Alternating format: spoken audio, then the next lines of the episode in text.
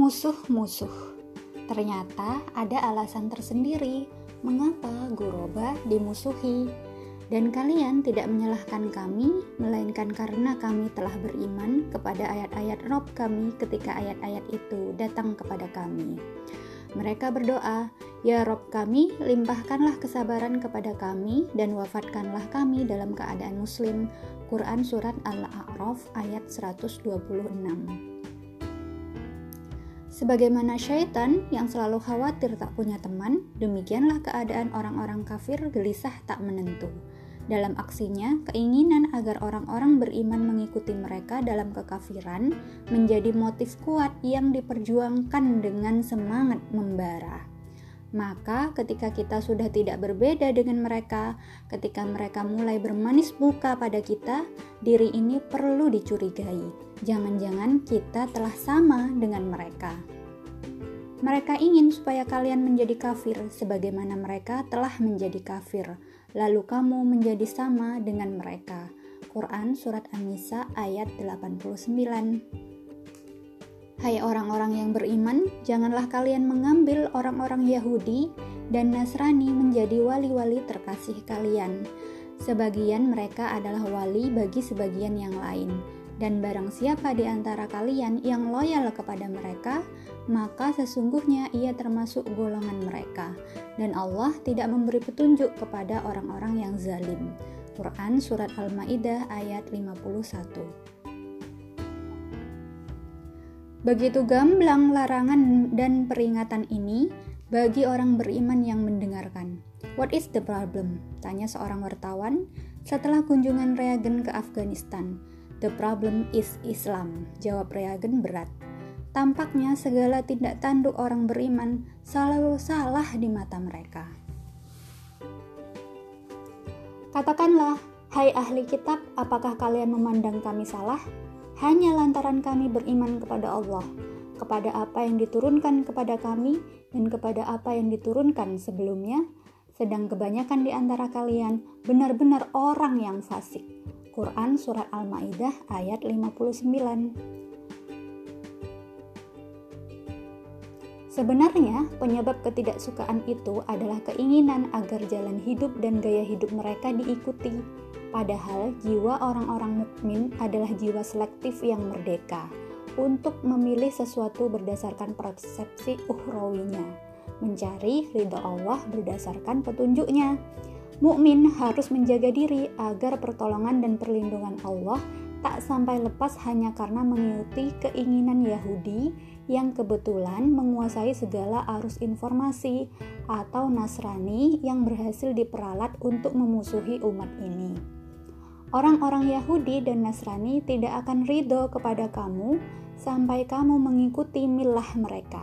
Katakanlah sesungguhnya petunjuk Allah itulah petunjuk yang sebenarnya dan jika kamu mengikuti kemauan mereka sesudah datang pengetahuan kepadamu, maka Allah tidak lagi menjadi penolong dan pelindung bagimu.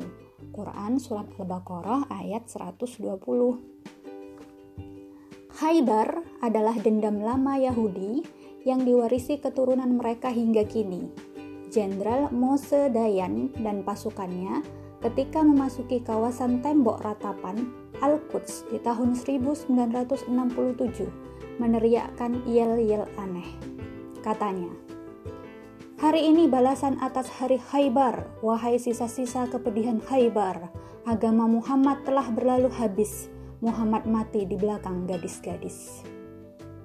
Yang paling kami takuti adalah jika di dunia Arab muncul Muhammad baru, kata David Ben Gurion Sejak awal mereka begitu khawatir bahwa umat yang memiliki kitab suci orisinal ini akan mengungkap segala makar, kejahatan, jiwa pengkhianat dan bobroknya moral mereka. Memang hanya umat ini yang mampu melakukannya, sebagaimana mereka pun yakin bahwa hari itu pasti tiba hari di mana mereka akan berdiri sok gagah di belakang Mesias Dajjal untuk memerangi kaum muslimin. Belum akan tiba kiamat sampai kaum muslimin berperang dengan Yahudi. Kaum muslimin membunuh mereka dan mereka bersembunyi di balik bebatuan dan pepohonan. Lalu batu dan pohon itu berkata, Wahai Muslim, wahai hamba Allah, ini orang Yahudi di belakang saya, mari bunuhlah dia. Kecuali pohon gargat, itu adalah pohonnya orang Yahudi. Hadis riwayat Ahmad. Sedang salibis atas provokasi Yahudi dan kedunguannya sendiri harus berperang melawan kaum muslimin. Crusade, perang salib yang menjadi tragedi memalukan kekalahan mereka. Apalagi ketika Muhammad Al-Fatih Murad, pemuda 23 tahun itu, memimpin pembebasan lambang kekuasaan tiran Nasrani di dunia, Konstantinopel di tahun 1453. Ini adalah obsesi tujuh abad umat sejak Abdullah bin Amru bin Al-As mengeluarkan catatan berharganya. Suatu ketika ia pernah ditanya, mana yang lebih di, dulu dibebaskan, Konstantin ataukah Roma?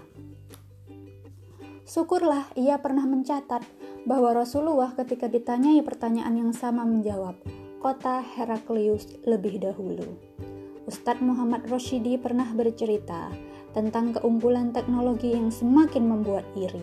Raja Inggris, Panglima Salib Richard the Lionheart memamerkan pedangnya di depan Salahuddin al-Ayyubi.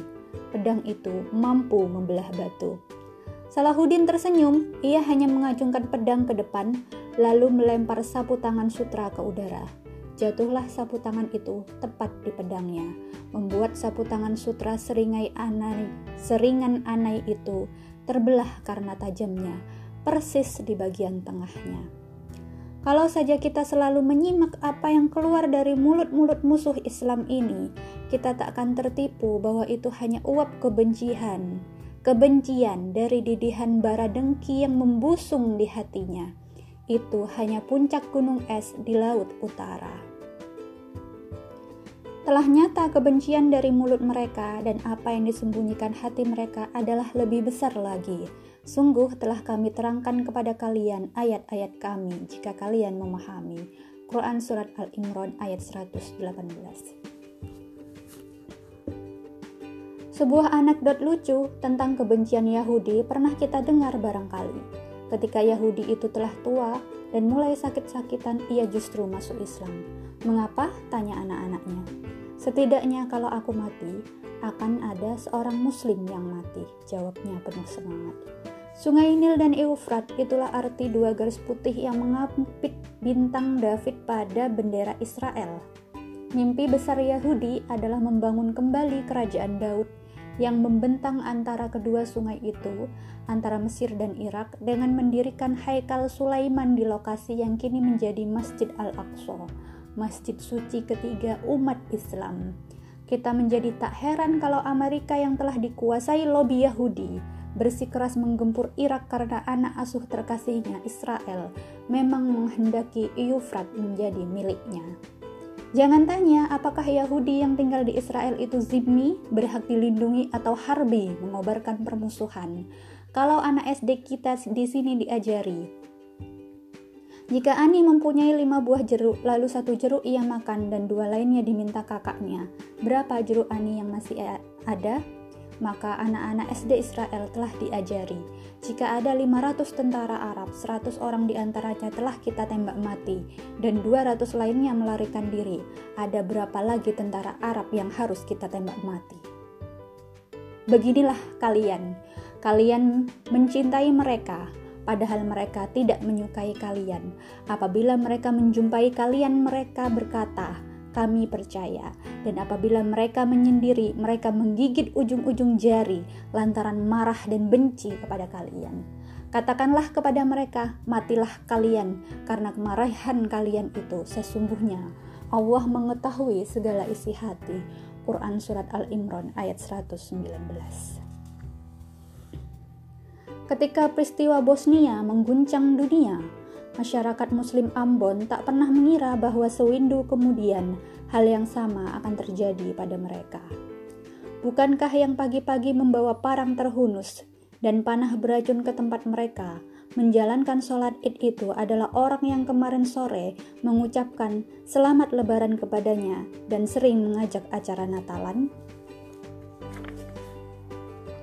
Kepada Nasrani Barat kita masih akan berkata, Ingatlah ketika kalian mandi, menggosok punggung dengan jerami, lalu kalian mengenal nikmatnya bersabun dari muslimin yang kalian bantai di halaman Al-Quds.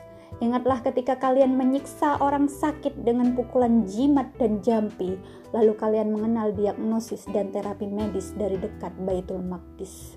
Tapi kepada Yahudi kita akan berseru, Haibar, Haibar ya Yahud, Jaisu Muhammad saufa ya'ud, Ingatlah Haibar wahai Yahudi, pasukan Muhammad pasti kembali.